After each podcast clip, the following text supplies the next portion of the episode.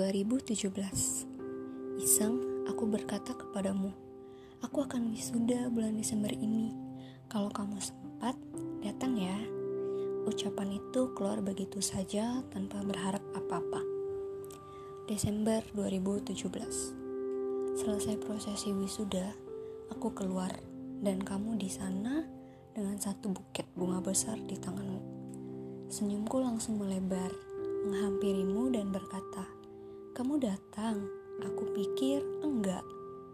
Kamu hanya menjawab, iya, kan kamu suruh datang, jadi aku datang. Ini buat kamu. Aku menerima bunga tersebut sambil berkata, wah, makasih ya. Setelah itu, kita pergi makan sama-sama dengan teman-temanku dan juga dengan keluargaku. Kita pulang ke tempat masing-masing dan kembali dengan kehidupan kita masing-masing.